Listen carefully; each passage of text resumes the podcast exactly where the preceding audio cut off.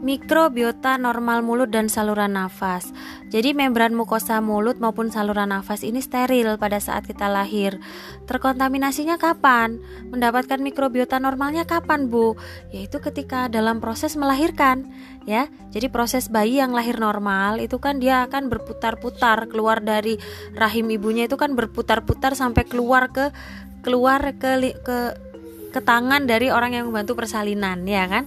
Nah jadi saat itulah bayi itu mulai terkontaminasi.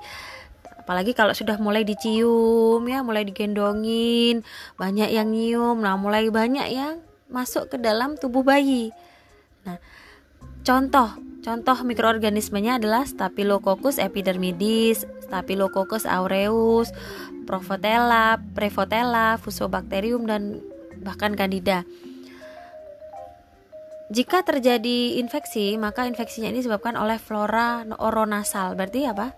Oronasal itu berarti ada di di bagian mulut, bagian ini, bagian saluran nafas. Nah, penyebabnya adalah mikroorganisme campuran oronasal.